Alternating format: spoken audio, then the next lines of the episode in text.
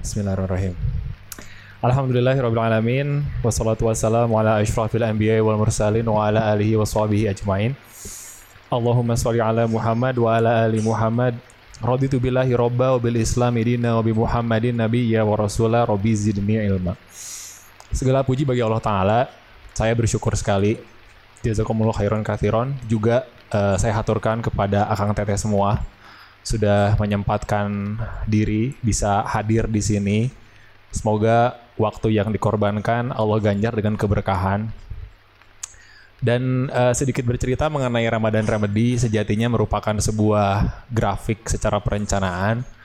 Di acara pertama kita berbicara mengenai penetapan niat. Di acara yang kedua kita berbicara mengenai pembersihan hati atau penyucian jiwa.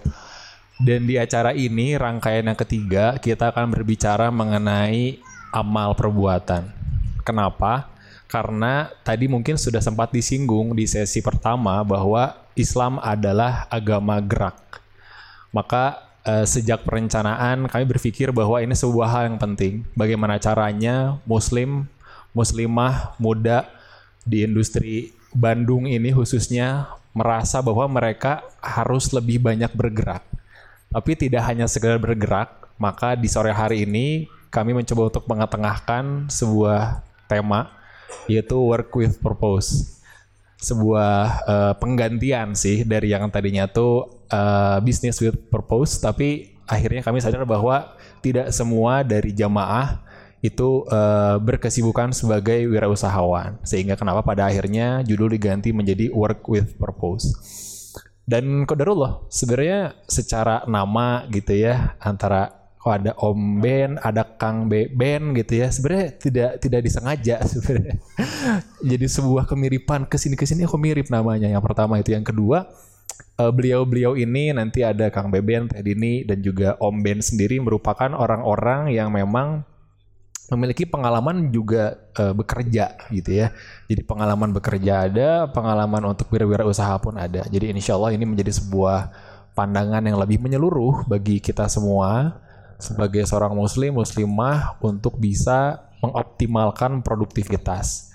Dan apa yang membedakan antara kita dengan orang-orang yang mungkin uh, tidak memeluk agama Islam adalah purpose gitu ya.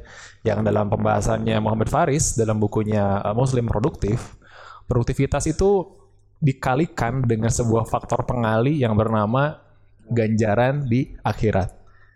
Jadi kalau kita cari di buku produktivitas barat pada umumnya ya kalau bahasanya Abah tadi sih kering gitu. Hanya berbicara mengenai metode, bagaimana cara mengolah waktu, bagaimana cara mengatur fokus dan lain sebagainya. Tapi ujungnya tuh apa sih?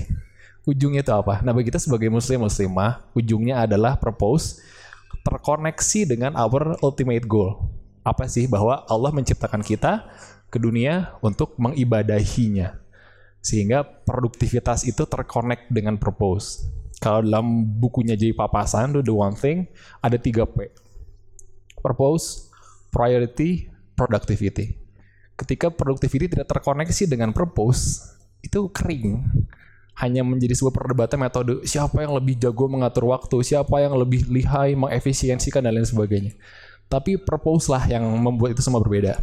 Makanya kenapa uh, obrolan santai di sore hari ini semoga menjadi sebuah inspirasi baru bagi kita sebagai muslim-muslimah yang tentu berusaha untuk menjadi lebih produktif, lebih kaya dalam karya dengan memperbaiki, mengasah kembali aspek purpose pada produktivitas kita. Untuk itu, izinkan saya untuk mengundang ketiga uh, narasumber uh, kami yang luar biasa. Yang pertama ada Om Ben Wirawan, yang kedua ada Kang Beben Oscar, dan yang ketiga adalah uh, pada Teh Dini uh, Prihastiti untuk maju ke depan. Mangga. Mangga. Nanti secara duduknya mungkin Teh Dini dan Kang Beben bisa di sebelah sana, Om Ben sebelah sini. Om bersama ya saya. Siap. Persilakan Om Ben, Kang Beben, Teh Dini untuk memegang mikrofonnya. Kayaknya Teh Dini pakai yang wireless ya, rada jauh soalnya. Oke. Okay apa kabarnya Om Ben, Kang Beben, Teh Dini, Damang, semua sehat, keluarga? Saya Saya alhamdulillah. Alhamdulillah. Eh, boleh sambil mic checking juga? Cek. Cek. Alhamdulillah. Oke, Oh ya, nyala semua ya? ya insya Allah ya. Oke, alhamdulillah. Senang banget bisa ketemu dengan beliau-beliau ini karena ya seperti yang kita lihat di publikasi eh, mereka nyata dalam karya ya. Nyata dalam karya yang mana berarti artinya mereka juga banyak bergerak gitu ya, juga banyak bergerak. Nah, sekarang kita akan menggali banyak hal dalam aspek propose supaya kita bisa dapat inspirasi yang mendorong kita juga bisa lebih baik lagi nih dalam produktivitas. Mungkin eh, kita dimulai dari pertanyaan pertama, nanti saya coba untuk lempar bergantian dari Om Ben dan ke Kang Beben juga Teh Dini. Kita mulai dari Om Ben dulu. Siap. Jangan susah-susah. Enggak lah, aman. Kita santai. Mungkin Om Ben bisa diceritain secara singkat dulu eh, tentang awal mula Torch itu kayak gimana sih? Awal mula. Bismillahirrahmanirrahim. Assalamualaikum warahmatullahi wabarakatuh. Awal mula Torch nggak bisa lepas dari awal mula yang sebelumnya sebenarnya. Oke, siap. Jadi kalau kita bicara Torch, Torch sendiri sebenarnya umurnya masih muda. Torch itu umurnya baru 8 tahun. Oke. Baru 8 tahun dari ya tadi ngobrolin kita juga kita pun semua tidak semua langsung pengusaha. Ya, ya, ya, ya. Saya juga dulu seorang desainer, Desainer. orang kreatif sama seperti banyak orang di sini. Saya dulu juga seorang desainer yang kemudian salah baca buku kan, Waduh, gimana tuh Om? membaca buku Rich Dad Poor Dad. Mungkin banyak yang langsung senyum-senyum. iya, iya. Yang membaca buku Rich Dad Poor Dad mungkin merasa bahwa terdorong untuk pindah eh, kuadran gitu. Saya termasuk yang terdorong sama Bapak Robert Kiyosaki terdorong pengen pindah kuadran. Jadi awalnya seorang profesional juga. Oke. Eh, merasa bahwa harus pindah kuadran, saya pindah kuadran buat buat usaha. Tapi saya dulu belum berani masuk ke tas. Walaupun saya dulunya desainernya Eiger. Oke. Saya dulu desainernya Eiger kerja di Kopo. Desain produk berarti Om ya? Desainer produk. Saya kerjanya sehari buat 40 sketch, lalu dari 40 sketch itu ya satu dua diangkat menjadi karya desain gitu ya. Hmm. Satu karya desain. Eh, tapi dorongan untuk eh, tadi pindah kuadran itu cukup besar. Eh, nggak tahu kenapa bukunya aja itu emang mendorong tapi masalahnya di buku itu teh kan tidak ada yang memberitahu gimana caranya pindah kuadrannya itu kan ya Iya, iya, iya, iya. jadi kemudian ya mencoba aja. Mencoba kemudian saya waktu itu membuat Mahanagari kaos Mahanagari. Bandung Iya, yang dicuok Om ya. yang di Ciwok. Ada beberapa titik sebenarnya dan merasakan bagaimana membuat usaha teh susah ya. Saya tuh udah pernah buat pada saat itu showroom kecil-kecil sampai 12 Hmm. yang sukses satu Mahanagari itu. Mahanagari itu Jadi Mahanagari adalah usaha pertama untuk pindah kuadran. untuk pindah kuadran. Nah, modal sendiri, usaha sendiri, buka showroom, buka sendiri, ngepel sendiri, majang sendiri, hahaha. eh ya QC sendiri, Iya, semua iya, iya, sendiri gitu ya. Mungkin buat yang belum tahu Mahanagari itu kayak kaos apa Om? Oleh-oleh Om ya? Kaos oleh-oleh kalau Tapi di- premium ya? Eh, Ambilnya. premium agak Iya, iya. premium, jadi kayak jogger lah gitu ya, kalau Ah, di tapi Bali ya. ambil yang premiumnya gitu kalau di Jadi kita masuk ke sana sampai kemudian dikasih tahu sama mentor saya. Hmm. Saya punya mentor sangat bagus. Saya sangat menyarankan di mana pun cari mentor untuk bidang apa pun ya. untuk bidang apa pun. Mentor itu seseorang yang sudah pernah ber- melewati jalan itu. Hmm, hmm, hmm. sehingga dia bisa kasih tahu kisi-kisinya gitu. Iya iya iya. Tapi jangan minta mentor ngerjain pekerjaan kita, tapi dia kasih tahu kisi-kisinya. gitu. Nah mentor saya kemudian melihat Mahanagari itu terus dia bilang dia mau beli perusahaan saya tapi Mahanagarinya tutup, ya tolong ditutup. Gitu. Oke. Itu ngahuleng sih. Iya iya iya iya. Jadi dia mau membesarkan saya, tapi dengan satu syarat. Bisnis kamu yang Mahanagari itu yang udah saya jalanin hampir 10 tahun, tolong ditutup. Dan pada saat itu sholat tiga hari Sholat tiga hari. karena Istihoroh Om ya. istiqoroh dan segala macam sholat yang bisa aja gitu. Hati itu gundah, kita tuh suka terikat sama sesuatu yang kita cintai dan itu nggak boleh emang ternyata. Oh masya Allah. usaha yang kita jalankan 10 tahun, kita cenderung suka terlalu mencintai, merasa bahwa itu juga bayi kita gitu. Padahal Iya, kalau logikanya ya, kalau kita punya anak, pendidikannya kita kasih ke orang lain juga kan. Iya. SD-nya, SMP-nya, kuliahnya kita kasih orang-orang yang jago mendidik dia gitu. Iya, iya. Nah saya pada saat itu nggak bisa terlalu cinta gitu. Mhm. Alhamdulillahnya doanya dijawab. Dijawab. Doanya dijawab, udah tinggalkan saya ber eh, bulat hati lah. Iya. Berbulat hati untuk oke saya tutup. Saya bilang cuman bilang minta waktu setengah tahunan untuk ngabisin stok. Hmm. Tapi saya siap di mentor bapak dan ibu. Mentor saya ada tiga sebenarnya. Lalu saya mulailah eh, bisnis itu dan syarat dari mentor saya itu kenapa harus ditutup? Karena dia bilang salah konsep. Hmm. Saya tuh cita-citanya pengen punya sesuatu bisnis yang besarannya itu besar lah. Hmm. Kalau bisa mah melewati satu T gitu per tahun, Omset per tahun. omset per tahunnya. Tapi konsep Mahanagari itu tidak akan pernah bisa Iya, dibuat iya, iya, satu, iya, iya, satu sebenarnya. Iya, itu saya iya, iya. sadar sendiri setelah dia ngomong gitu ya. Iya, iya.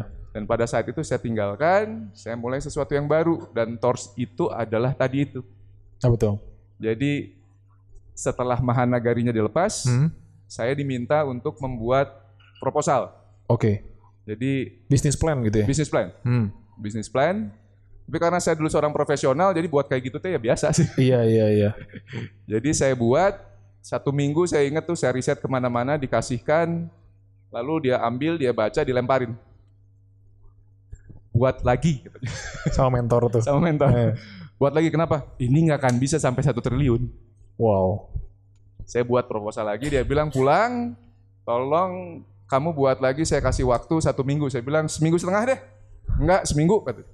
Seminggu, saya buat lagi satu minggu, saya ajukan lagi, dia baca lagi, dilempar lagi. dia lempar lagi, dia bilang, ini sebuah bisnis konsep yang bagus, tapi eh, nanti ini akan mati di tahun 10, dia bilang.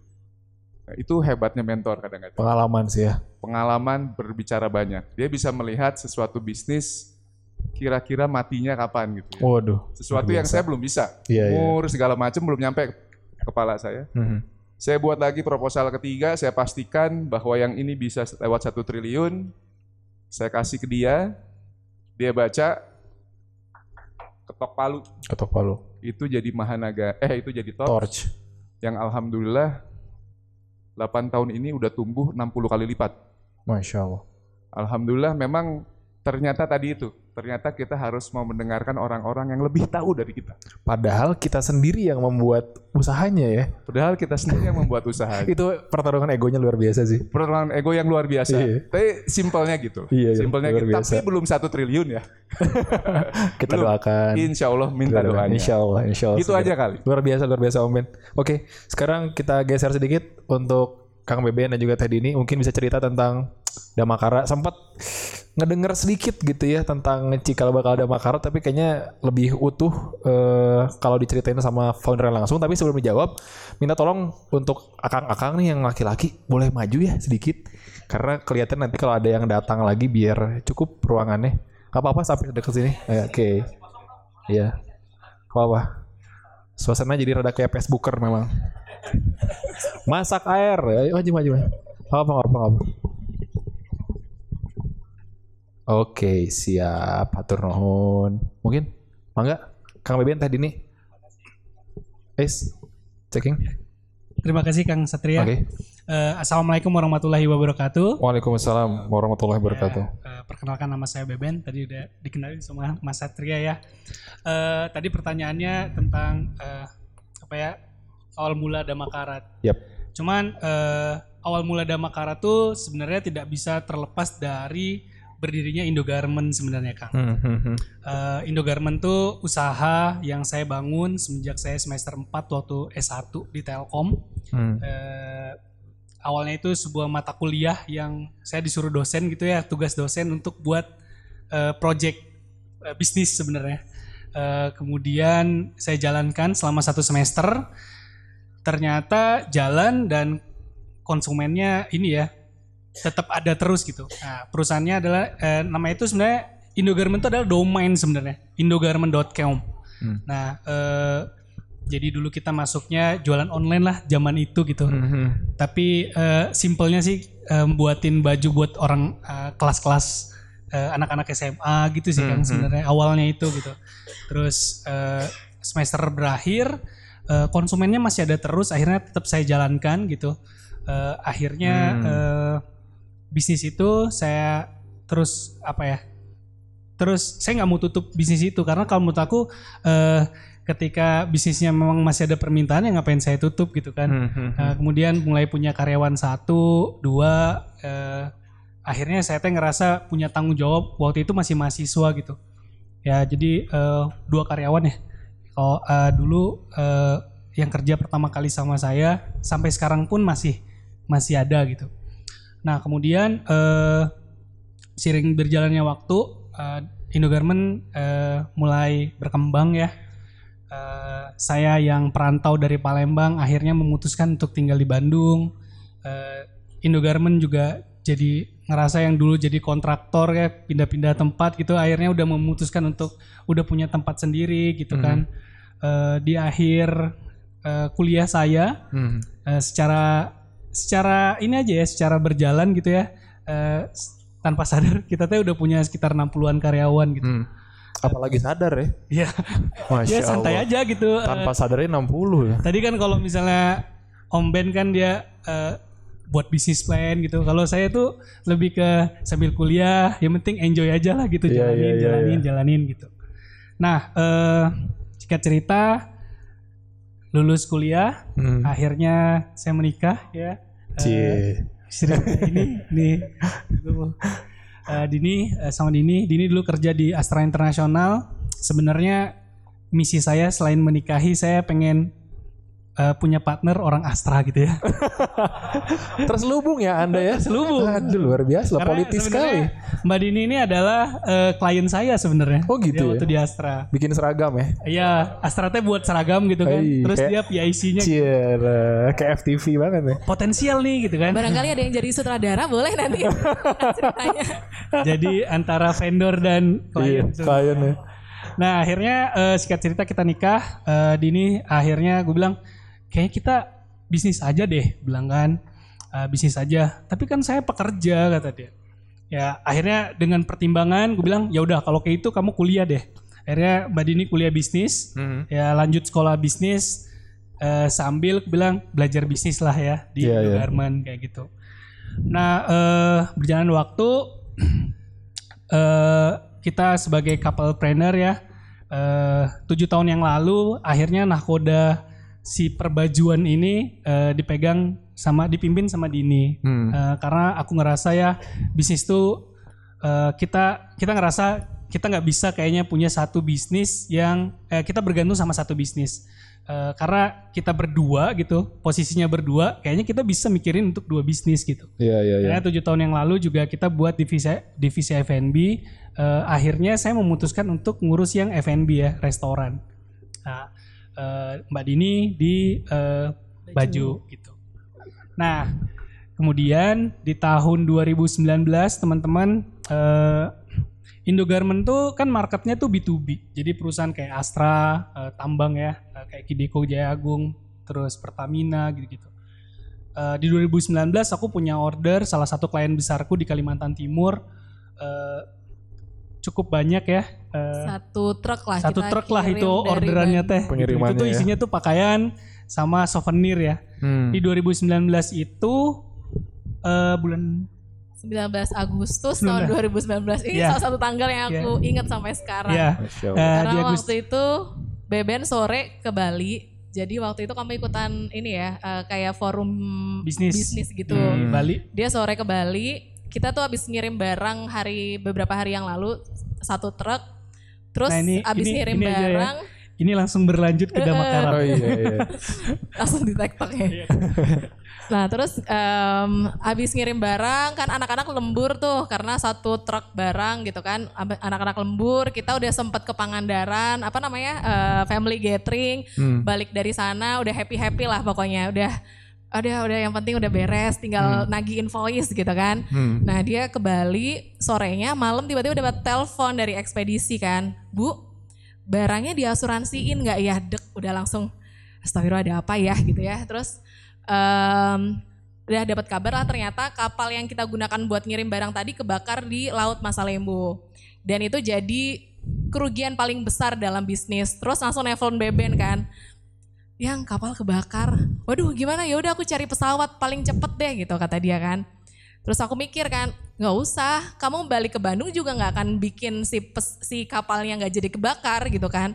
Maksudnya dia ke Bandung pun kapalnya udah kebakar gitu kan. Jadi ya udah kamu beresin dulu kegiatan di sana baru balik ke Bandung. Jadi kayak di situ kayak titik balik aku sama Beben gitu ya. Kita kayak yang kita kurang amal kali ya kita kurang apa ya gitu kan. Dan kayak apa ya ingat lagi aku yang tadinya memutuskan untuk resign itu karena em, aku S1 itu kan lulus karena dapat beasiswa gitu. Jadi kayak yang ada orang baik yang menolong aku nih sampai aku bisa beas- dapat beasiswa dan lulus S1 ketika kerja eh, kayak apa ya mungkin manfaatnya aku belum bisa ngasih banyak dan eh, waktu itu ngelihat salah satu caranya adalah dengan berbisnis untuk bisa kayak kasih manfaat untuk orang lain yang lebih banyak. Yang akhirnya menerima pinangan seorang Beben Oscar gitulah terus, terus dari situ eh, kayak ser- serasa diingatkan kembali gitu waktu kejadian kapal kebakar tuh jangan-jangan kita kayaknya kurang kasih manfaat Iya. lebih banyak kali ya untuk orang lain Itu dis- gitu. diskusi kita pas sudah balik Iya, ya. pas udah balik Beben dari Bali, terus kita kayak discuss, em, kayak kita perlu ada something yang kita perbaikin lah waktu itu, kayak yang yaudah deh, ide, saya tuh waktu dulu bilang kayak kita ku- kurang amal, kita harus membuat sesuatu yang berlebih bermanfaat buat banyak orang gitu. Dan ideku itu adalah beli ambulans teman-teman. Ya bilang kayaknya kalau kita beli ambulans kayaknya enak deh kita bisa eh, bantu masyarakat sekitar yang eh, kebetulan di daerah saya juga belum ada ambulansnya kayak gitu. Tapi Dini waktu itu agak punya pendapat beda ya Din ya. Gimana tuh Din? Ya kalau ambulans tuh kan mobil ya, kalau mobil tuh punya jangka pakai, jadi lima tahun tuh pasti performance-nya menurun, jadi kebaikannya tuh ada jangka waktunya gitu. Hmm, jadi waktu berbatas itu ya. ya, jadi waktu itu kepikirannya kenapa nggak kita bikin sebuah usaha baru di mana kita punya mesin jahit, kita punya penjahit, kita punya manpower di situ, kita bikin brand baju yuk gitu, bikin brand baju sambil riset-riset sederhana. Akhirnya kita eh, kepikiran lah untuk bikin Damakara itu gitu kayak kita Ada inspirasinya juga sih itu dari jadi waktu itu riset-riset, cari-cari, ternyata di Inggris itu ada uh, dapat sebuah website, ada namanya Iris Grace. Jadi dia sebenarnya anak penyandang autis dari Inggris, terus dia uh, dapat terapi gambar itu untuk supaya dia bisa berkomunikasi, terus berlatih motorik. Terus pas lagi riset-riset itu nyari-nyari di Indonesia sebenarnya seperti apa? Ternyata belum banyak ruang berkarya untuk teman-teman istimewa ini. Padahal kan sebenarnya Allah itu eh, luar biasa ya. Allah itu nggak pandang kasih gitu. Setiap orang tuh pasti punya kelebihan dan kekurangan. Even mereka yang mungkin kita anggap banyak kurangnya gitu. loh. Maksudnya kita lihat dari sisi kurangnya mereka pasti Allah kasih juga sisi lebih. gitu. Kelebihan. Jadi, Karena iya, Allah. Maha Adil ya. Allah Maha Adil gitu. Jadi pengen deh bikin sebuah bisnis yang bisa kasih ruang berkarya nih untuk mereka teman-teman yang istimewa ini supaya eh, mereka bisa berkarya seperti kita-kita yang mungkin dilihat orang sebagai orang yang eh, banyak lebihnya atau yang Iya, iya, normal iya, iya, gitu iya. seperti itu sih akhirnya kita bikin Damakara itu Iya. sendiri. Dan Damakara itu pada akhirnya kan eh, Dini jadi product developmentnya Dini ya. Terus kita buat produk pertama kali gimana caranya lukisan dari anak-anak istimewa itu kita eh, aktualisasi dalam bentuk pakaian. Mhm. Wah waktu dulu ya Dini ya dibuat ada yang dibordir ada ini. Nah kebetulan di sini juga ada tukang foto saya waktu dulu ya. Jadi buat baju gitu kan. Eh, siapa nih modelnya nih? Waktu waktu dulu ini masih temannya anak yang kerja ya, Ya. temannya Gita. Terus fotonya juga masih di kantor, pakai kain-kain gitu, terus eh, Ada karyawan di- dibantu akang. temen temen Indo eh apa? Yang kerja di Indomaret. Indomaret ya teman yang kerja di Indomaret. Terus eh, Om Iwa juga. Mana Om Iwa ya? Om Iwa juga akhirnya yaudah sini aku bantuin dia fotoin Damakara gitu. Jadi kayak yang banyak pertolongan yang kita dapatkan gitu pas pas kita bikin eh, Damakara itu Hmm. Siap. pada akhirnya eh, kita menganggap bahwa Damakara pada titik ini adalah eh, apa ya sesuatu balasan nyata bahwa sebenarnya berbuat eh, dengan niatan yang awalnya eh, sosial Hmm. ya dengan kita nggak nggak pernah kepikir lah punya target Iya, segala iya, macam iya, penting buat aja dulu ya ternyata tuh justru Growing eh, ya. growingnya itu justru karena emang lingkungannya mendukung gitu banyak orang yang support banyak orang yang bantuin mungkin termasuk ke Satria juga kali ya di awal-awal ya kita masih inget banget dibantuin sama Kak Citra gitu ya Eh, akhirnya eh, manfaat itu bisa bisa semakin luas juga sih seperti itu Insya Allah. Gitu sih. Ini tuh mahal ya. Maksudnya disebut mahal karena eh sebentar sebentar sebelum lanjut boleh minta tolong nggak akang akang untuk geser ke kiri. Jadi kayak ini ya foto di Jonas ya. Ini kayaknya penuh banget soalnya. Eh, Alhamdulillah. Nah iya karena ruangan terbatas jadi nanti yang datang biar ada. Oke terima kasih. Oke. Ya, eh pada intinya sih sebenarnya semua orang tuh bisa membuat bisnis. Tetapi yang menjadi mahal adalah eh, reframing. Kalau dari bahasan yang di event sebelumnya ya. Semua orang punya pengalaman rugi, ya. Tapi how to reframe the experience. Siapa yang punya pengalaman untuk mereframe bahwa kebakaran kargo itu adalah titik awal kesadaran bahwa kayaknya gue kurang manfaat deh gitu. Bisa jadi karena di di orang yang lain kebakaran kargo, ah gila gue apes banget men. That's it, selesai di situ gitu. Tapi ketika itu menjadi sebuah inisiasi yang tadinya ambulans tapi jadi usaha yang alhamdulillah Allah kasih rezeki untuk bisa terus berkelanjutan berarti kan ya itu mahal. Makanya mahalnya sejak awal gitu karena ada proses berkesadaran yang tadi.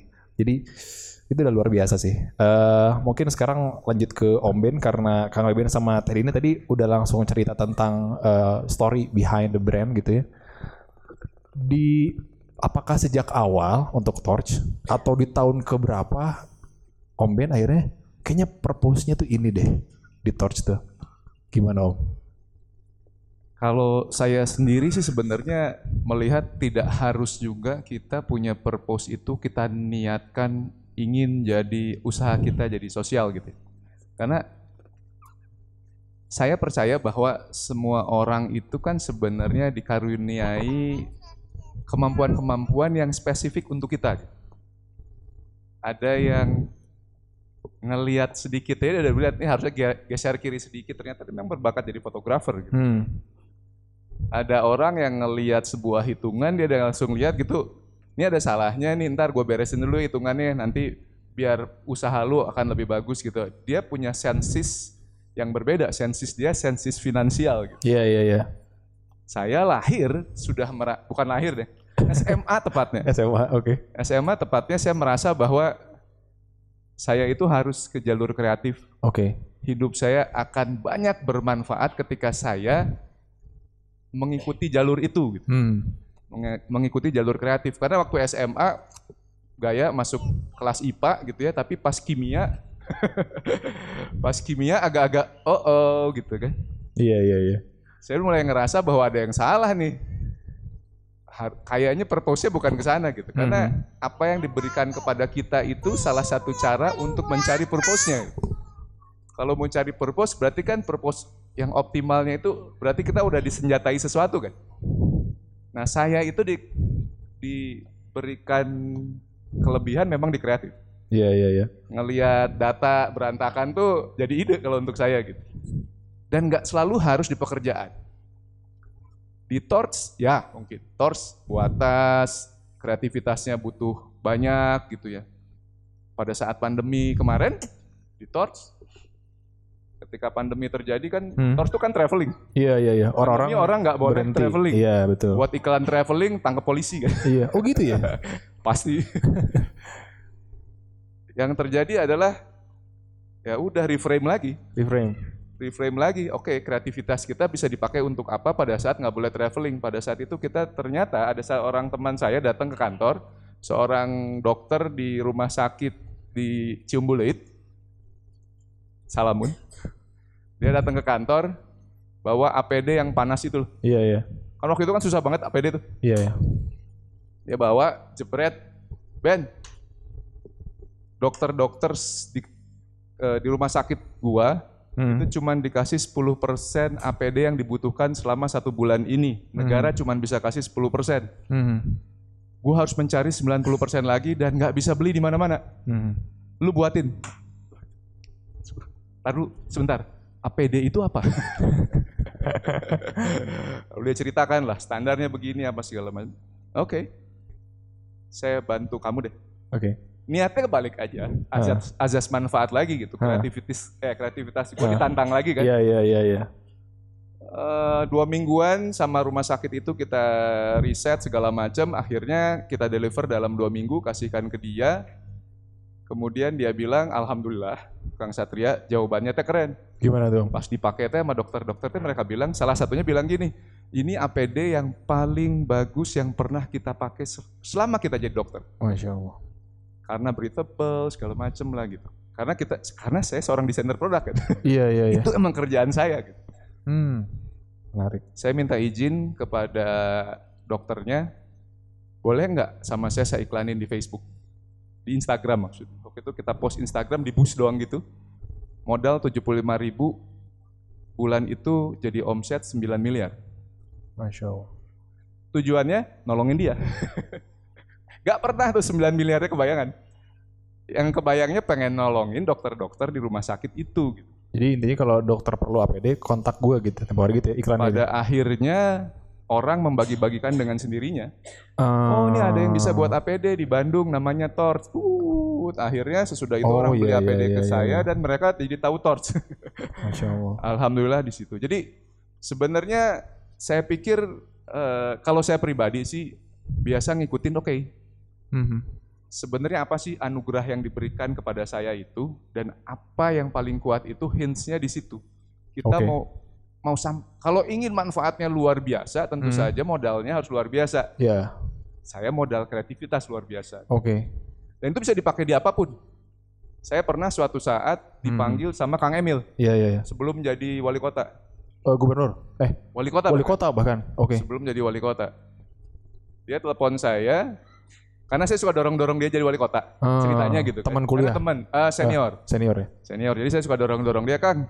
Jadi wali kota tuh yuk jalan rusak ya gitu kan. Pokoknya sederhana gitu karena berpikir nih orang bagus kalau jadi pemimpin gitu, Iya iya. dibandingkan yang dulu-dulu lah. Iya iya. Jadi saya dorong dorong dorong dorong, dia nggak mau, dia teh nggak mau kan, karena belum dapat izin dari ibunya waktu itu. Iya iya. Tohnya izin dari ibunya dikasih Iya. sama ibunya suatu saat. Kemudian Kang Emil telepon saya suatu sore di hari Sabtu saya ingat waktu itu. Kemudian kemudian dia telepon saya, intinya adalah Ben, gue jadi maju ya, jadi calon wali kota, kamu pegang kampanye saya. saya kan tukang desain barangnya, Shock ya Kang. shock bisa. iya iya. Kang, si gak ada salah sih gak ada Kang. saya mah ngedesain kaos, ngedesain tas, tuh saya ngerti kampanye politik mah tengartos Kang. Tapi dia bilang panjang lah, ini ngobrol setengah jam teh lebih aja. Setengah jam lebih sampai akhirnya saya teh nawar-nawarin ke orang Kang, saya punya teman ini, saya punya teman ini. Gak mau Kang Bebet. Gak, Gak mau gak mau apa tuh Om? gak mau diganti, pokoknya hayang si Oh iya sudah. iya iya iya. iya. Jadi dia pengen band yang ini, oh Iya. band yang ini gitu. Kalau dia manggil saya band aja, Iya iya. dia lebih tua soalnya kan.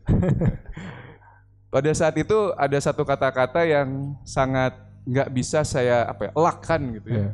Karena dia bilang gini, Ben, kiewe lah Cen. Saya minta kamu pegang kampanye saya, karena saya percaya sama kamu. Kamu boleh menolak, boleh juga tidak. Tapi kalau kamu menolak, saya tidak akan tutup telepon ini. Nah, kalau saya insting biasanya kalau udah ada kata-kata seperti itu, dorongan yang seperti itu, ikutin. Nah, Ikutin apalagi apalagi kalau kamu belakangan sholatnya banyak. biasanya kamu jadi sensitif terhadap suara-suara seperti ini nih. nah. Karena setiap saat sebenarnya kita kan diajak ngobrol nih Iya sama iya Gusti iya. Allah teh kan. Iya iya iya. Cuman sering kali nggak kedengeran. Atau kitanya nggak peka gitu. kita aja ya. nggak peka kitanya nggak Dan pada saat itu ya saya kemudian oh, udah ini mah kata-kata yang udah sulit nih Iya. mau menang mau kalah udah tujuannya bukan menang kalah udah cari aja manfaat dari situ gitu Mhm. jadi kalau orang ini jadi wali kota mungkin ada satu manfaat baik mikirnya udah gitu aja Iya kan. iya iya. Lebih luas lagi. lebih luas lagi ya udah mungkin saya adalah bagian kecil dari takdirnya dia mungkin. Iya iya iya iya. Jadi ya saya jalanin ya alhamdulillah bersama beberapa teman-teman di sini ada ada teman-teman di sini pada saat itu dan ini ketika kehendak Allah berbicara kuat gitu ya. Iya. Manusia bernama Ridwan Kamil pada saat itu follower Twitternya baru 76 ribu. Eh, popularitasnya baru 4 persen. Elektabilitasnya gitu. Bukan popularitas ya. Popularitasnya. Survei gitu ya. Survei mengatakan dari 100 orang yang kenal dia 4. Empat. Hmm. empat orang. Jadi empat persen sebutnya.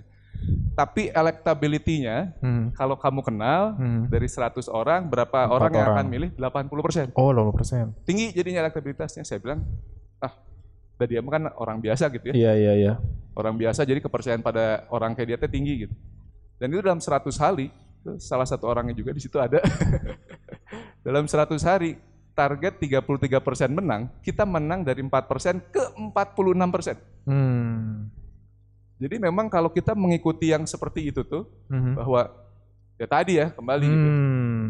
Oh ini kembali kalau saya sih azas manfaat. Kalau saya bisa bermanfaat di sini dan arusnya kuat gitu, biasanya ada sesuatu yang besar ikutin.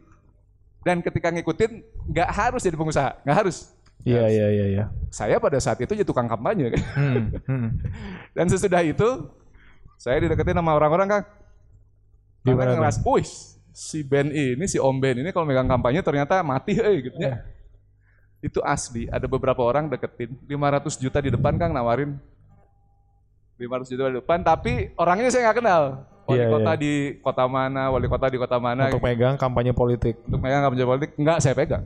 Mhm. Karena saya merasa saya takut azas manfaatnya nggak ada. Iya iya iya. Saya nggak kenal sama dia gitu. Iya. Kalau orang yang ini kebetulan kakak kelas, saya Hmm. kenal gitu. Saya nggak mau nggak terima. Itu 500 juta di depan ketika tawarin tuh emang gemeter loh. Mhm. Mhm. 500 juta di depan. Kalau menang kaliin lagi. Hmm. Tapi nggak mau. Karena asas manfaatnya saya meragukan. Iya iya. iya. Akhirnya saya fokus pada saat itu ke Torch dan alhamdulillah di Torch yang saya sangat paham lah. Ini bisa sangat bermanfaat bagi banyak orang. Eh, ternyata memang itulah tumbuh. Di antaranya ternyata jadi supplier APD negara ini gitu pada saat Masya Allah. pandemi. Jadi ya gitu-gitu aja lah. Ringan-ringan aja cari manfaat dan apa kekuatan kita. Kalau saya gitu. sih. Masya Allah. Ini ya, maksudnya kalau kita tangkap benang merah di antara tiga orang ini tuh musibah jadi berkah gitu ya. Yang satu kebakaran kargo, yang satu ada pandemi dan pandemi kayaknya memukul telak banyak kit di antara kita gitu ya. Tapi ya balik lagi kemampuan untuk reframe itu perlu waktu ya di samping perlu ilmu. Karena nggak semudah itu untuk menyadari bahwa oh musibah tuh artinya berarti gue harus begini. Nah itu itu yang mahal dan nggak bisa dibeli pakai uang gitu. Makanya oh luar biasa ya musibah jadi berkah. Nah mungkin eh, sekarang geser lagi ke Kang Beben dan Teh Dini. Eh pada akhirnya dengan proses eh, pendirian Damakara gitu ya sebagai brand retail yang tadinya ah yaudah gue eh, konveksian aja dengan niatan awal kayak gitu untuk lebih bisa menebar manfaat untuk bisa lebih eh, memiliki perhatian khusus memberi exposure pada anak-anak berkebutuhan khusus gitu ya. Eh akhirnya nilai apa sih? Nilai apa yang Kang Bebe dan tadi ini capture untuk kemudian menjadi sebuah value di Damakara atau bahkan di Indogarment untuk disosialisasikan ke seluruh SDM mendefinisikan. Karena kalau bahasanya Jay Papasan tuh purpose divine determines who you are nah purpose itu yang kemudian gimana sih cara kalian mende- mendeterminasikan gitu eh me- mendefinisikan gitu bahwa Damakara tuh begini loh maka kalian harus begini begini begini Indogarment tuh begini begini tuh gimana sih Oke. Jawabannya jadi kamu. iya ya mungkin eh, nanti ditambahin juga. Eh, kalau ditanya gimana sih kita mendefinisikan si niatan-niatan tadi, terus menjelaskan sama seluruh all team gitu ya. Eh, pernah suatu saat eh, kita kumpul bareng-bareng ya. Sebenarnya apa sih tujuan dari eh, kita bekerja, kita eh, saya punya bisnis dan teman-teman semua bekerja di sini tuh kita teh sedang mencari apa sih di sini gitu. Ya, kita diskusi, kita diskusi terus eh, satu sih eh, kita tuh jadi kayak punya kesimpulan bahwa sebenarnya kita tuh selain mencari rezeki pasti ya. Saya berbisnis, saya cari rezeki. Eh, tim saya bekerja juga mencari rezeki ya. Untuk apa? Ya untuk hidup, untuk kesejahteraan dan lain-lain. Uh, kemudian ada juga pengen uh, uh, saya cari uang, pengen juga uh, biar bisa beribadah, biar bisa umroh, uh, biar bisa menyeimbangkan apa ya kegiatan ibadah sama bekerja gitu, fleksibilitas dan lain-lain. Nah dari hasil dari hasil diskusi uh, saya Dini dan tim semuanya di Damakara maupun Indogarment, uh, pada akhirnya kita uh, membuat apa ya poin-poin di mana kita ngerasa bahwa yang kita layanin tuh nggak cuman konsumen tapi eh, orang-orang semua semua orang yang yang terlibat di situ gitu. Eh contoh yang paling nyata pada akhirnya aku sama Dini kayak misalnya program umroh aja di tempat saya. eh hampir jalan berapa tahun Din? Sebenarnya gara-gara yang kebakaran itu sih kita jadi kepikiran untuk bikin program umroh buat karyawan. Ya refleksinya Jadi di- se- dari situ sejak ya. sejak awal. Sejak Sejak abis kebakaran, kebakaran itu itu, Kang. jadi banyak Oh, merenung kita iya, iya. Jadi selain akhirnya bikin Damakara, terus kita mikir ini kalau lima- Oh. 500 juta kebakar abis aja ya. Coba kita bikin umroh, kita udah bisa berangkatin berapa berapa, orang. orang. gitu. Iya iya iya. nah akhirnya dari situ kayak yang tadi Beben bilang eh, kita bikin ambulan ya udah deh uang buat ambulan ini kita buat modal Damakara 15 juta kita berangkatin umroh deh karyawan satu terus kita bikin program-program yang lainnya terus waktu itu pokoknya dari kas itu kan udah menipis buat eh, ngerjain seragam baru tadi kan yang tadi kebakar kan kita harus produksi lagi. Tapi kita mikirnya kalau misal uangnya habis lagi nggak nggak akan bisa manfaat gitu lah kan. Jadi akhirnya yaudah deh kita bikin program umroh satu tahun satu karyawan. Waktu itu kita berangkatin satu karyawan. Terus dari tabungan pribadi kita berangkatin orang tua ya. Waktu itu kita berangkatin orang tua. Jadi Januari sama Februari sebelum pandemi banget sebelum akhirnya apa namanya umroh ditutup waktu itu itu karyawan sama orang tua alhamdulillah udah berangkat. Terus nggak tahu kenapa jalannya tuh smooth gitu jadi saat pandemi tuh kayak ada Makara naik terus yang Indogarment even lagi nggak ada orderan dari apa namanya dari perusahaan cuman kita waktu itu sempat bikin kayak daster dan lain sebagainya itu kayak yang jalannya smooth banget yang growthnya gampang gitu. Sampai ada satu momen waktu itu kita tambah yayasan. Jadi yayasan yang kerja sama sama Damakara tadinya kan di Bandung terus kita kayak kita mau tambah yayasan lagi deh. Terus waktu itu kita tambah di eh, Jawa Malang, Tengah Magelang. di Magelang. Terus terus kita ditanya sama yang punya yayasan Mbak apa strateginya Damakara sehingga dia bisa growth-nya seperti sekarang? Waktu itu kayaknya hampir 2 tahun mungkin usianya. Terus kita berdua apa ya Bu ya? Kita juga nggak tahu sih Bu, karena maksudnya kayaknya strategi marketing yang kita lakukan nggak biasa aja Iya, gitu. iya, Terus iya. produksinya juga nggak ada strategi yang aneh-aneh banget gitu, yang yang ya effortnya nggak ada yang lebih gitu. Jadi kita kayak yang waktu itu ditanya apa sih mbak strateginya Damakara? Kok dia waktu itu dia udah searching tentang Damakara terus dia ngeliatin followers Instagram gitu kan. Kok bisa Instagramnya sebanyak ini? Kita juga nggak tahu sih bu sejujurnya kenapa gitu. Karena Iya, kita iya. udah pernah bikin bisnis yang lain gitu bi- bisnis retail yang lain. Ya growthnya nggak kayak ini gitu. Iya iya. Terus waktu kemarin pas banget mm, sebelum Ramadan ini kita umroh berdua kan, bertiga sama ibu. Terus waktu itu tuh eh, nggak janjian sih, tapi kita sama-sama pas di Madinah tuh sama-sama kayak mendalami surat at-taubah gitu kan.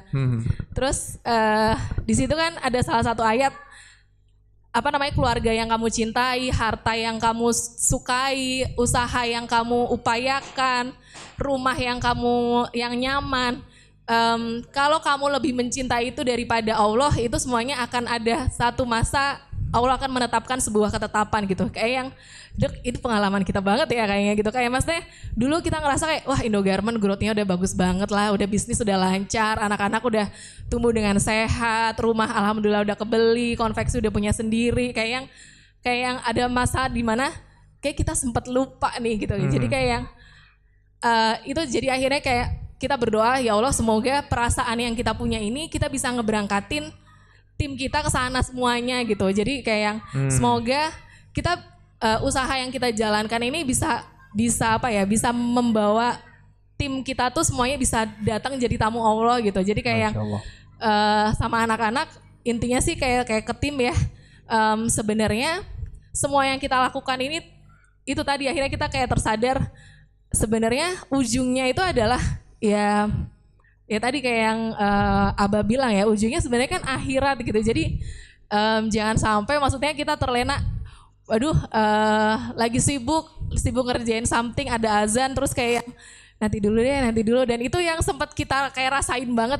Even jangankan telat sol, eh, jangankan telat sholat bolong sholat tuh dulu sering banget gitu. Jadi kayak yang kemarin tuh refleksi kayak yang ya Allah ternyata em, apa ya em, kayak ada sebuah titik balik kembali gitu pas kemarin ya. Akhirnya kita coba eh, bilang ke anak-anak bahwa em, apa ya sebenarnya yang kita kejar duniawi itu nggak akan ada habisnya gitu. Jadi em, ya sebisa mungkin eh, apa namanya sebisa mungkin kita bisa bermanfaat untuk orang lain. Nggak perlu muluk-muluk yang jauh-jauh. Seenggaknya untuk tim yang ada di sekitar kita untuk teman yang ada di departemen yang lain untuk orang-orang yang eh, ada di sekitar kita itu kita bisa memberikan manfaat sekecil apa pun kayak gitu sih Berarti ini tahun keberapa teh eh, program umroh itu berjalan?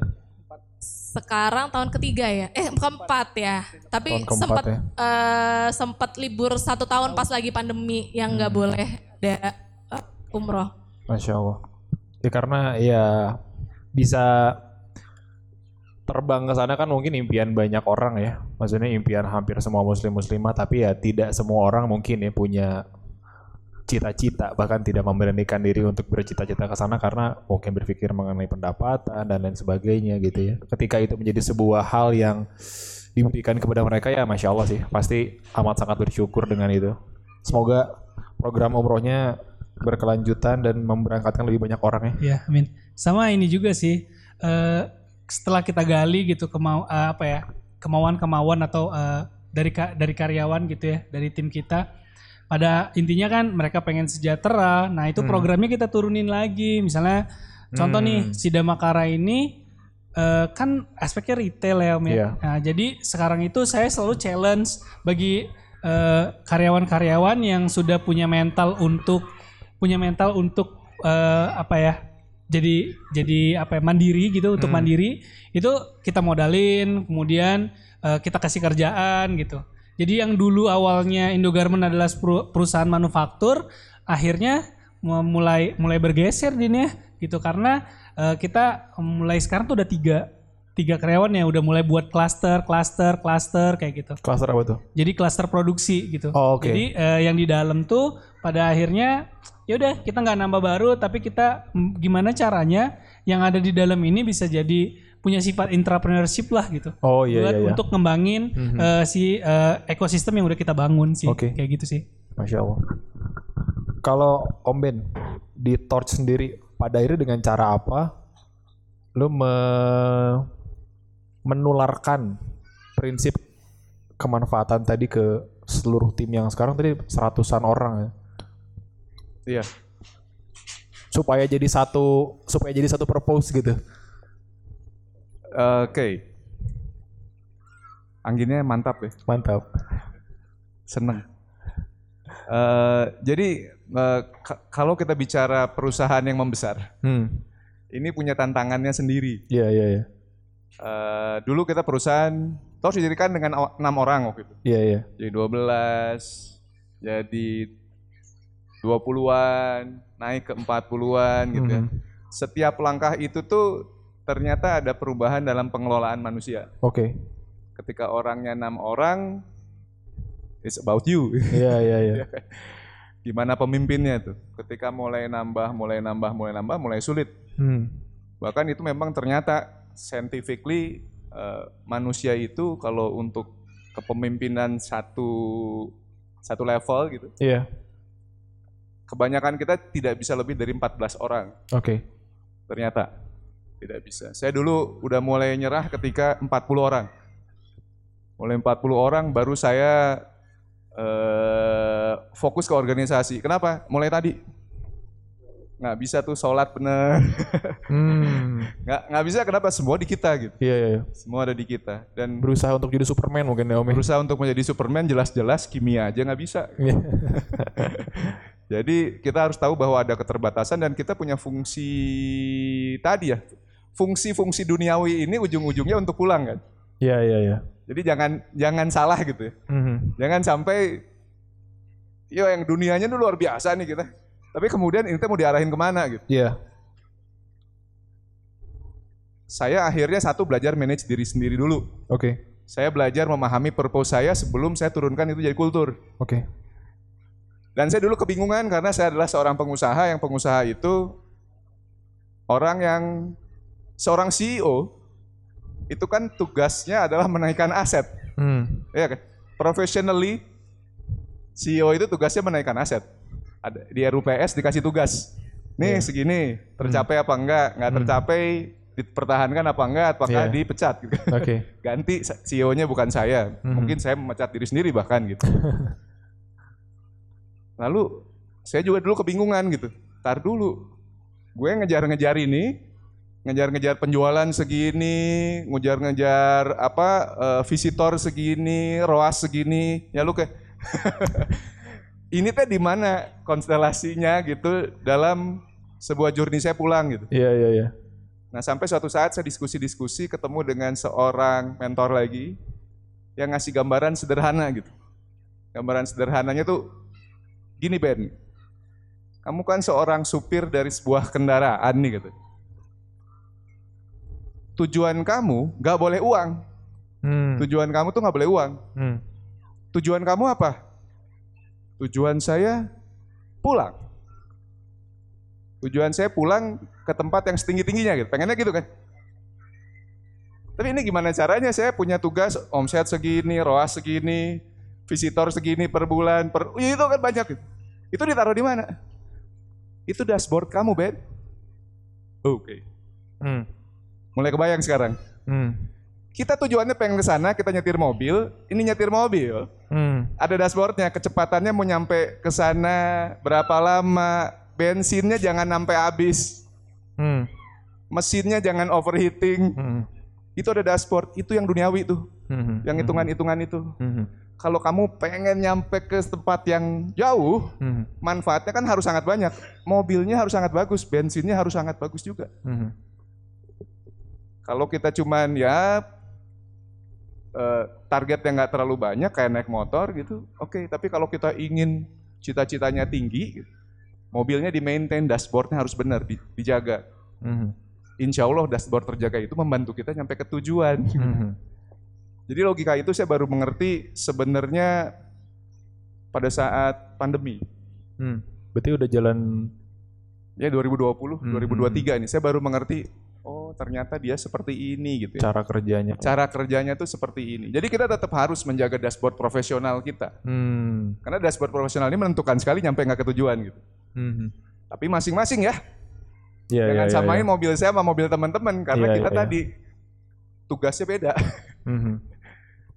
Pasti beda-beda ini. Hmm. Saya yakin beda-beda. Karena kalau semua jadi pengusaha siapa pegawai kita kan? Hmm. Kalau semuanya jadi dokter siapa yang melindungi dokter jadi polisi? Iya. Semua itu mulia. Pastikan saja teman-teman kontrol dashboard ini. Nah kalau di kami karena orangnya sudah banyak, Hmm. akhirnya si kepercayaan ini kita kita turunkan kita turunkan menjadi sat- eh, satu set nilai kalau di TORS itu dibilangnya the connectors the connectors itu eh, lima value Hmm. lima value yang semua orang yang masuk dan ada di dalam harus diperkaya terus si value itu satu value-nya itu the innovators jadi kepalanya itu harus senang melihat masalah karena di balik masalah berarti ada orang yang butuh solusi dan kalau kita layani solusinya kita dibayar. Orang berterima, berterima kasih, ya kadang-kadang thank you doang juga ada sih. Tapi banyak juga yang mau bayar gitu kan. Hmm. Lalu kita percaya bahwa kita juga harus inspirators. Jadi di Tors itu semua perkataan yang keluar dari mulut itu harus punya nilai baik dan mendorong orang untuk menjadi merasa dirinya hebat. saya tiga bulan yang lalu memecat orang gara-gara dia marah-marah ke konsumen, padahal dia chatting sama konsumen, marah sama konsumen, udah chattingnya mah nggak marah-marah sebenarnya, tapi kemudian dia maki-maki konsumen. Sudah itu ah, rese ini banyak omong gini, gini. Iya iya iya. Itu out di Tors tuh. Ngedumel ya. Ngedumel tuh out. Karena Tors tadi, dashboard profesionalnya itu. Iya. Dashboard profesionalnya kamu harus inspirators di sini. Lalu kita juga harus kolaborators. Hmm. Jadi ya memang harus sadar bahwa harus kolaborasi gitu. Kalau main bola itu nggak bisa semuanya striker. Messi, Ronaldo taruh semua di depan atau belakangnya Messi juga gagal pasti gitu. Jadi kita harus tahu kapan kita harus kolaborasi dan hampir setiap saat kita harus kolaborasi. Lalu kita juga percaya harus accelerators. Jadi orang tuh ini penyakit Indonesia yang Hmm. Kalau ngeliat orang maju suka tarik ke belakang. Iya iya iya. Mau ke mana tuh? Wes, santai bro. Ke mana? Gimana lah tuh. Di tors nggak boleh. Di tors kita harus selalu ngedorong orang ke depan. Accelerators. Kalau orang nggak bisa tanyain kenapa kamu nggak bisa. Tong dicarekan, diajak ngobrol masalahnya apa. Gitu. Mhm. Dan yang terakhir memang harus punya kita percaya navigators. Oh, torch. Orang harus punya navigasi, sebenarnya dia percaya pada nilai besarnya tuh apa. Di tors tuh kita nggak bisa terima orang yang masih mencari nilai. Hmm. Karena dia akan sulit, nanti mikirnya masih banyak di mencari nilainya. Makanya itu kita perkaya dulu. gitu. Kita perkaya dan di dalam dia diperkaya. Bahwa di dalam itu ada yang Hindu, ada di gitu. Oke. Mayor- Majority Islam, eh, Kristen ada, Katolik ada, Hindu ada, Buddha yang belum ada. Mhm. Tapi kita di dalam mengangkat nilai-nilai universal Islam gitu. Oke. Yang kita angkat untuk menjadi motivasi bagi semua orang apa pun agamanya. Tapi yang diambil memang yang universal. Oke. Jadi yang kita lakukan tuh untuk tadi biar bermanfaat tuh kayak gitu. Biar manfaatnya pol gitu. Masya Allah. Luar biasa ya. Ini juga ini Kurang lebih lah. luar biasa om. Eh karena ya tadi ya kayak apa namanya kata-kata di opening bahwa hmm, di bukunya Muhammad Faris itu di eh, Productive Muslim gitu ya itu dibahas di awal tuh. Yang mana berarti menjadi sebuah fenomena bagi muslim-muslimah sedunia tentang bagaimana cara mereka memandang dunia gitu ya. Eh, sudut pandang yang sedikit apa ya bukan keliru ya mungkin ya tapi sedikit berbeda mungkin akan eh, mendorong seseorang untuk berpikir bahwa ya udahlah dunia mah seperlunya aja dijauhi nggak perlu jadi besar nggak perlu jadi terlalu bermanfaat banget ya udah secukupnya aja lah yang penting mah akhirat gitu dan itu menjadi sebuah pandangan yang dibahas dan dikupas gitu ya oleh Muhammad Faris di bukunya bahwa ya tadi mirip sama apa yang Om Ben share sih how do we reframe gimana sih pengalaman yang kesannya duniawi ini sebenarnya apa? Yang pada intinya sih kembali ke yang sesi sebelumnya tentang apa yang Abah bilang. Pulang, tujuannya tuh pulang gitu ya. Dengan metafora yang tadi disampaikan bahwa kalau lu supir, ya tujuannya bukan cari uang, tujuannya ya pulang gitu kan. Itu menjadi sebuah insight yang menarik juga teman-teman. Mungkin pertanyaan terakhir kali ya teman-teman ya. Hah, udah udah kita masuk ke penutupan eh sharing aja sih di pengalaman masing-masing mungkin abis ini ke Kang Beben sama Teddy ini juga abis ini baru terakhir ke Om Ben pengalaman apa yang paling memorable buat eh, masing-masing ketika berbicara mengenai bisnis with purpose? Apakah itu interaksi dengan karyawan karyawan ngasih testimoni atau misalnya konsumen ngobrol atau tadi misalnya ada hubungannya dengan yayasan yayasan tadi itu berarti yayasan yang Damakar kerjasama tuh yayasan dari anak ABK ya? Oh, oke. Kalau di sini mungkin eh, paling deket ya di Our Dream. Oh dream Iya. itu salah satu yayasan yang Di bekerja Willy- sama Di oke mana? Cigadung ya? Nah itu coba di share Kang pengalaman memorable apa terkait dengan work with purpose dari yang udah lalu Iya. Em, jadi mungkin yang tadi sempat eh, aku mention juga. em, jadi kalau mungkin Om Ben senior senior kita lah ya. Em, so far Damakara pas awal tuh nggak punya bisnis plan, nggak punya apa ya, nggak punya framework.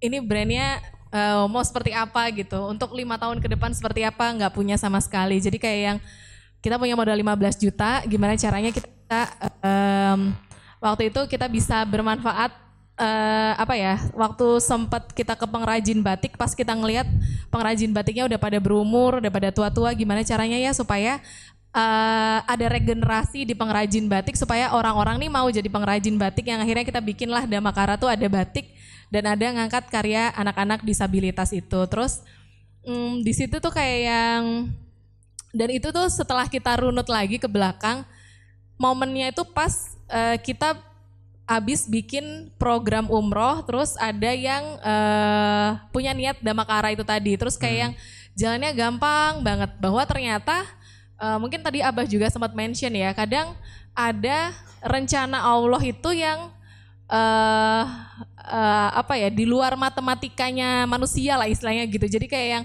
kalau dipikir-pikir nggak ada eh, brand guideline, nggak punya bisnis plan di awal Damakara kok ya bisa sekarang punya 104 ribu followers gitu misalnya di dalam jangka waktu tiga tahun gitu. Eh, terus kayak misalnya em, influencer pada mau beli, padahal so far selama tiga tahun kita cuma ngeluarin budget untuk endorsement tuh 4 juta 500 kalau teman-teman eh, kalau kita lihat datanya gitu ya. Kita keluarin data eh, mengeluarkan endorsement selama tiga tahun ke belakang tuh 4 juta 500 tapi kok ya bisa gitu banyak orang yang akhirnya eh, teman-teman influencer pada pakai Damakara gitu. Jadi kayak em, ternyata apa ya kadang ada eh, Allah tuh kadang sebaik itu ternyata gitu. Em, ketika ternyata apa ya pas kita punya em, insya Allah dan semoga amin dan semoga terus dijaga niat yang baik eh Allah akan akan melihat itu dan insya Allah eh, akan dimudahkan lah jalannya seperti itu. Karena kita ngerasa pas dulu pernah punya bisnis terus kita ngitung kalau misalnya kita jualan kaos sebulan sekian satu kaos untungnya sekian kita bisa dapat untung sekian dan ternyata gagal juga setelah enam bulan gitu gagal gitu kan gitu. Jadi ada hal-hal yang mungkin di luar matematikanya manusia yang eh, yang pas kita rasakan gitu ya ternyata bisa eksponensial hasilnya gitu. Jadi eh, itu mungkin yang akhirnya eh, ya mungkin teman-teman di sini kalau mau punya bisnis ataupun punya something atau melakukan apa pun nggak harus nunggu kayak kita ya nggak harus nunggu sampai ada eh, kejadian kebakaran nggak harus nunggu ada rugi tapi mungkin eh, niatkan dari hal yang kecil gitu. Jadi kayak misalnya contohnya waktu kita bikin yang produk daster misalnya Kang waktu itu tuh pandemi eh, mau lebaran tapi penjahit jahitannya lagi dikit terus Beben sempet nanya gimana ya caranya supaya penjahit ada kerjaan kasihan nih mereka gitu. Karena mereka kebanyakan kan kepala keluarga ya. Eh, kasihan nih kalau mereka dipulangin ke kampung padahal keluarga mereka berharap banyak gitu kan mau le- lebaran mau puasa mau puasa gitu kan.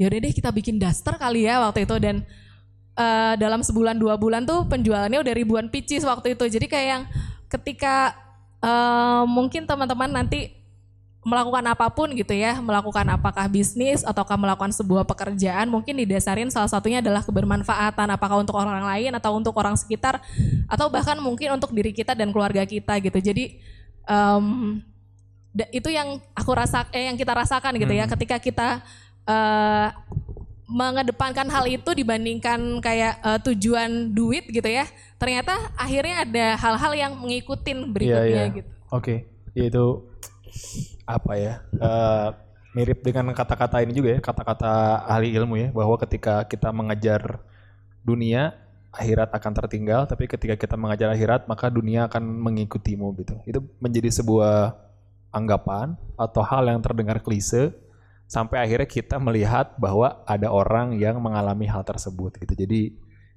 luar biasa sih. Kalau dari Om Ben gimana?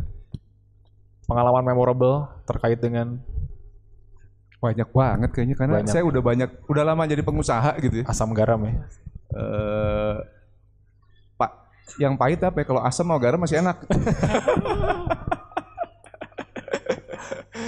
Berkahnya jadi pengusaha memang adalah kita dikasih banyak yang pahit-pahit. Oke. Belajar menyukai yang pahit. Belajar menyukai musibah ya. Bahkan ya. Iya, banyak orang yang suka Iya. pahit-pahit kan. Iya. Bisa event Kop- musi- kopi juga. Event musibah sebenarnya kalau kita percaya bahwa kalau kita kena musibah pada saat ini bahwa takdirnya pada saat ini memang itu harus terjadi pada kita kan. Ya. Sebenarnya kan kalau kita percaya pada takdir ya itulah bahwa sebenarnya kita cuma aktor, kita bukan penulis naskah. Hmm. Apa yang terjadi pada kita akan terjadi pada kita. Aktor harus memerankan dengan sebaik mungkin. Respon kita itu sebaik mungkin. Kalau respon kita terhadap apa yang terjadi pada kita se- sebaik mungkin ya kita berprasangka baik pada Allah kan. Iya. Ya udah ntar datang lagi kok solusinya gitu. Ini juga akan lewat gitu. Ya berkali-kali kan akan lewat seperti itu gitu. Jadi eh benar jangan duit tapi duit ya.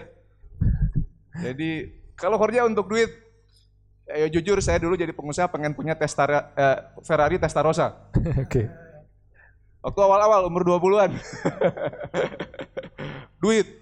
Tapi duit kadang-kadang tidak membuat lu bergerak juga kadang-kadang cuman mimpi aja gitu nggak duitnya itu. Nah, duitnya ini kan sebenarnya ada dua gitu. Duit yang fisikal, Hmm. duit kita ke atas gitu. Saya selalu merasa bahwa kerja yang optimal, even maksimal itu akan membawa kita ke pintu rezeki. Oke. Cuman pintu rezeki itu dibukanya dari dalam, Nggak bisa dari luar. nggak bisa dari luar. Yang punya rezeki yang buka. Hmm. Jadi kalau lu nggak berdo, nggak banyak mengikutinya dengan ikhtiar-ikhtiar malam hari kayak gitu-gitu, udah nyampe pintu nggak dibuka tuh pahit loh. Dan itu sering kejadian. Iya, iya. Dan kita suka lupa bahwa sebenarnya ya tadi ya ikhtiar yang tadi itu bagus tuh teman-teman ikhtiarnya tuh benar-benar keren lah. Gua belum punya jadi terinspirasi eh membawa orang ke umroh, Hmm. haji bahkan mungkin suatu saat. Hal-hal yang seperti itu sebenarnya membuka banyak tadi pintu-pintu rezeki gitu Hmm. dan membuat kita tuh jadi instingnya tuh kuat sekali Hmm. melihat peluang yang orang lain padahal kan kayak tadi masalah APD APD semua pengusaha di Indonesia diperlihatkan kan kesempatan itu Iya. kenapa Tors yang berhasil membaca peluangnya di antaranya Yang bahkan tidak bergerak dalam dunia medis sebelumnya kan. yang tidak mengerti apa-apa apa itu Iya. Apa itu APD? karena tadi dan dimulai aja sama yang kecil-kecil lah kalau menurut saya mah Hmm. dan makanya yang kecil-kecil sedekah subuh kecil aja 5000 perak 1000 perak bahkan jangan putus tapi Hmm. apa pun itu Hmm. saya itu termasuk sama orang yang dulunya sholatnya suka bolong suka lupa doa sampai suatu saat pernah nih ini memorable nih. Hmm. ini memorable kalau memorable. Saya suatu saat Tors masih kecil di awalnya tapi saya tuh merasa pengen punya mobil baru sama pengen punya Airbnb. Gara-gara banyak di internet. Hmm. tapi mahal kan Iya. ini butuh duit nih kalau saya hitung-hitung 700 jutaan gitu Hmm. Terus saya deketin teman saya, partner saya, terus saya bilang si Udah Hanafi namanya. Hmm. Dia orang Minang jadi agamanya lebih kuat dari saya. Hmm. Bawaannya lebih bagus orang Bukit Tinggi. Terus saya bilang, "Dak, gue tuh pengen beli mobil baru sama pengen Punya usaha. punya Airbnb nih, Airbnb, pengen ya. beli tanah, bangun, pengen jadiin Airbnb. Hmm. Tapi gue nggak bisa gaji gede nih, karena ya torsnya masih kecil waktu itu. Iya, iya, iya. Gampang bro dia. Lu sholat malam, minta mobilnya apa yang mau lu beli, rumahnya untuk diapain kayak apa, kurang lebih lu bilang aja mau lo. Hmm. Terus gue bilang kan, emang boleh ya? emang spesifik gitu? Boleh. Lu berdoa sama Allah spe- spesifik itu boleh. Ya tutup lah sama robana atina fid dunia mah tetap begitu ya. Tapi kita kan ngobrol sama yang maha kaya, Iya, iya. ngobrolin angka 700 juta ya kali untuk Allah mahalnya nggak mungkin lah ya. Hmm. Lu gue jalanin bro. saya jalanin. Ibu saya itu nyuruh saya tahajud dari SMA. Hmm. Nggak pernah bisa bener. Pada saat itu gara-gara Hanafi bilang kayak gitu, udah bilang kayak gitu, cobain, cobain sama saya. 6 bulan, san aja sinyal. Belum ada sinyal apa-apa. Gue mikir gitu ini udah 6 bulan sholat. Belum ada sinyal. Suatu saat ada Eh. saudara yang datang, Ben jualin tanah gua dong. Oke. Nah terus mulai itu insting jalan. Jadi saya tuh nggak pernah mau jualan tanah karena saya merasa profesi desainer teh tinggi. Hmm. Jualan tanah tuh apa? itu dosa gua. Menganggap profesi lain rendah. Oke. Tapi saat itu gue mikir gitu, uang 700 juta waktu gue cuma enam bulan lagi, itu yang mungkin dilakukan di antara adalah jualan tanah, bener ya? Iya. Paling logis. Logis kan? Iya. Jualan tanah tuh bisa menghasilkan 40 juta, 5 juta, 100 juta, semiliar bisa-bisa aja. 10 miliar bisa. Oh ya udah, saya tekan itu yang namanya kesombongan saya. Saya mulai jualan tanah. Setiap Sabtu hari Sabtu Minggu. Mhm. Nawarin, nawarin, nawarin dan tanah itu kan ngeri ya. Bisnis yang Gontok-gontokannya. wah, gontok-gontokannya luar biasa. Terjual lah, singkat kata terjual, saya dapat kickback 200 juta. Mhm. Lumayan tuh, gede tuh. Iya. dapat 200 juta. Sebulan kemudian ada lagi yang minta Kang. Tolong jualin lagi tanah. Nah jualin lagi. Oh ya Allah si Gana iya ini bener ya Allah terima kasih saya kerjain ya Allah. Bismillah udah gitu. Tanahnya lebih gede, konfliknya lebih sulit. Hmm. Harus berkelahi sama angkatan udara. Wow. Angkatan udara juga main yang kayak gitu, ngeri. Padahal nggak punya hak, nggak punya apa-apa, tapi ngalang-ngalangin yang punya. Hmm. Ya saya emang ngabelaan iya gitu. Hmm. Azas manfaat lagi gitu. Cobain, Alhamdulillah, ya itu masuk bulan ke-12 terjual, saya dibayar akhirnya total dapat satu miliar lebih dikit. Beli mobil yang 200 jutaan, beli rumah apa segala macam, 700 jutaan, saya masih sisa 300 juta. Gimana Allah nggak baik? Dia lebihin 300 juta. Gitu. Dan gue tuh manusia kurang ajarnya tuh adalah ketika udah dapet tahajudnya Berhenti. berhenti. tahajudnya berhenti sampai pandemi. Ketika saya merasa sempit lagi, istri saya, Pak, Papa tuh nggak boleh berhenti tahajudnya. Wah baru ngerti. Ya kadang-kadang gitu kita bandel. Hmm. Tapi kembali Allah tuh maha pemaaf. Ya udah jalanin lagi aja jangan merasa bersalah gitu. Ya Hmm. udah emang saya kemarin bersalah, minta maaf, jalankan lagi kebiasaan-kebiasaan baik, tambah terus gitu. Karena targetnya belum tercapai satu triliunnya teh gitu. Hmm. Karena belum tercapai ya berarti dua-duanya mesti ditambah kan? Hmm. Eh ya ya misi saya belum selesai tadi. Iya, iya. belum nyampe di ujung. Kalau ternyata saya ya nyampe di ujung, saya pulang kapan pun itu ya saya merasa well spent waktunya. Yap. Itu aja sih. Oke. Insya Allah. Insya Allah. Teman-teman ini satu apa dua pertanyaan ya? Dari satu dulu ya. Oke. Oke, eh, kita coba untuk eh, diskusi lebih jauh, tapi karena waktunya mungkin gak terlalu banyak, jadi hanya akan nanti dilihat aja siapa yang duluan dan dipilihkan. Siapa yang akan bertanya, ya mungkin pertanyaannya akan dijawab oleh eh, ketiganya. Satu, dua, tiga. Siapa? Cok. Kan job desk mah momod Oh, udah iya. beres. Zak zak zak. Takut kurang cepet. Oh, sorry sorry silakan silakan. Yuk, siap, siap, siap, yuk. Oh, siap, siap, siap. Satu, dua, tiga. Nah, ini yang hijau Oke. depan ini.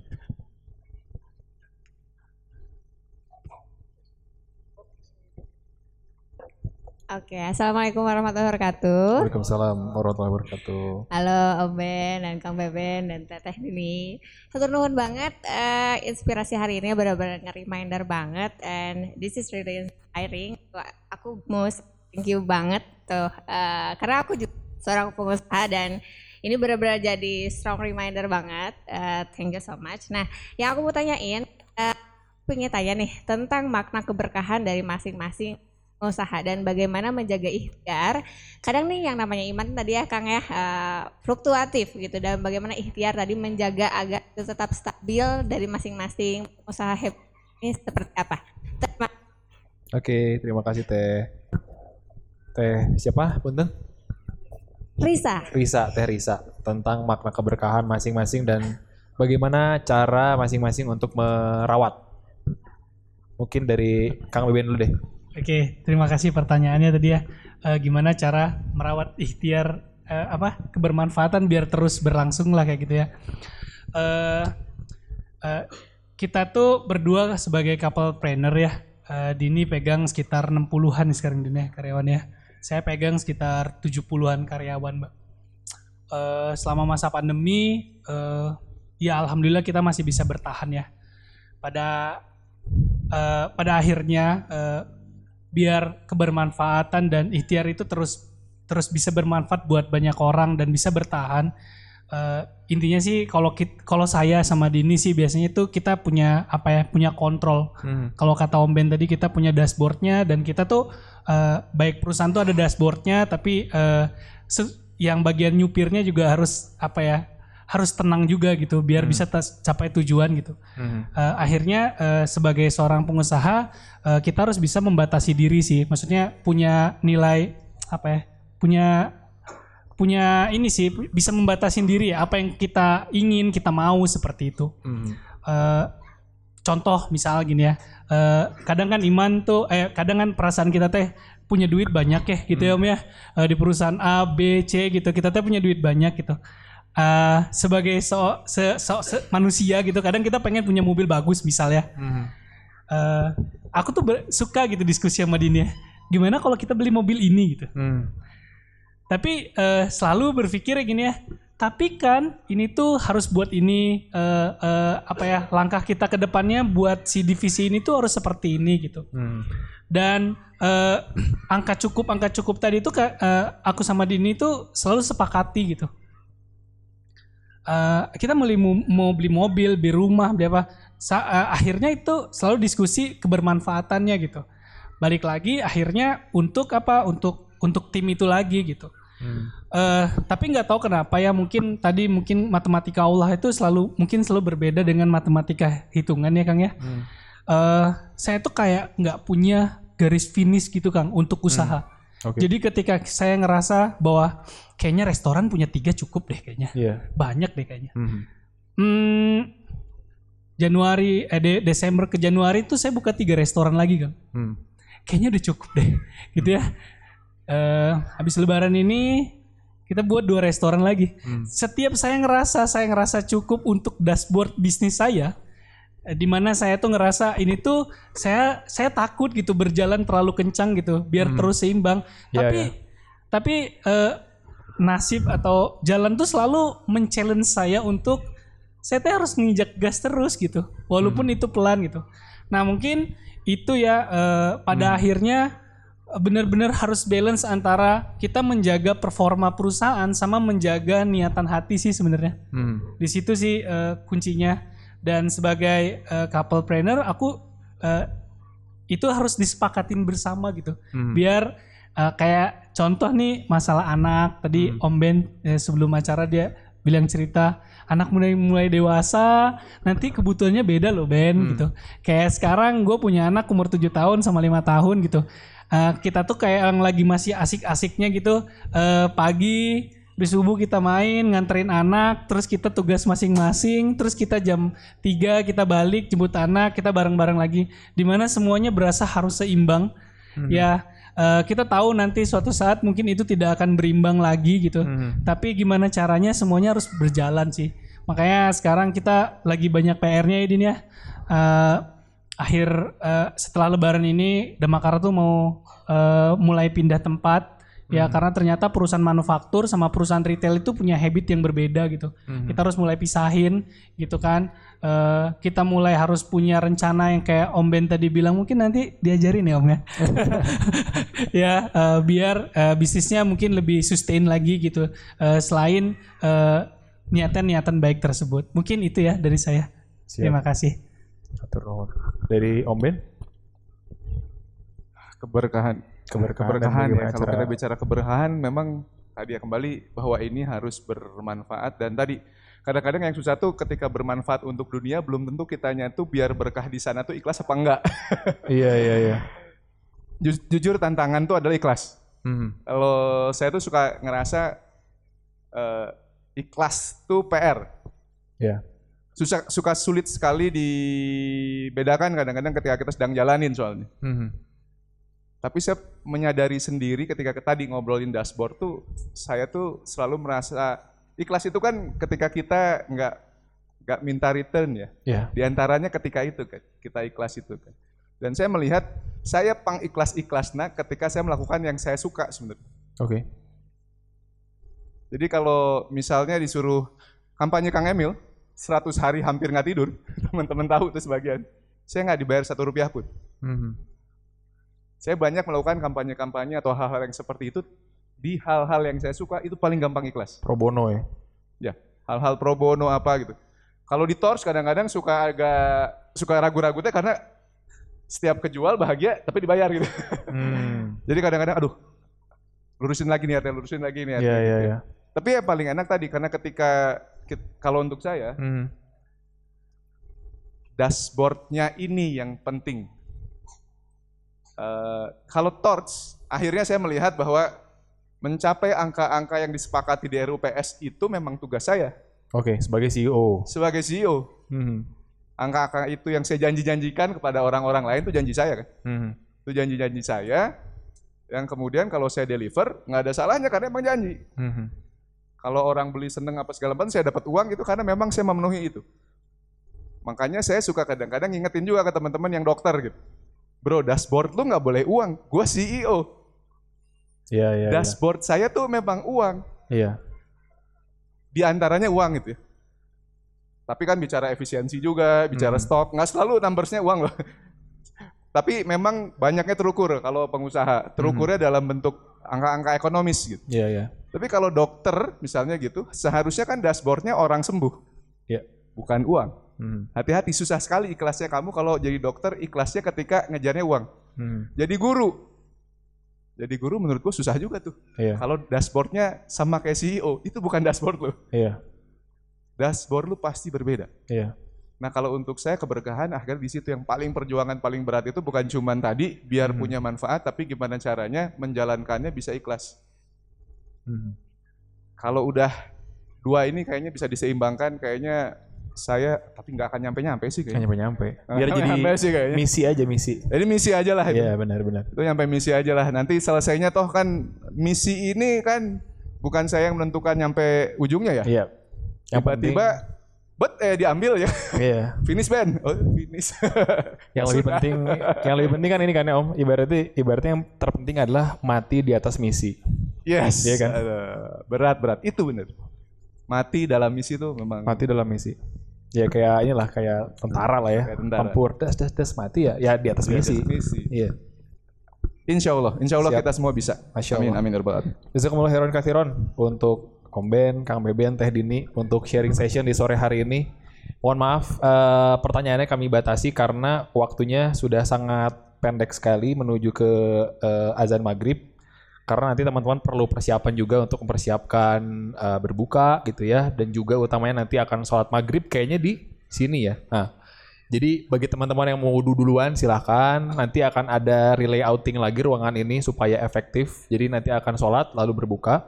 Saya Satria Maulana mengucapkan terima kasih banyak. Semoga apa yang disampaikan oleh para narasumber yang inspiratif ini menjadi ilmu yang bermanfaat. Keywordnya adalah kemanfaatan. Jadi ketika kita berbicara mengenai berkah, maka di sana ada kata kunci berupa kemanfaatan.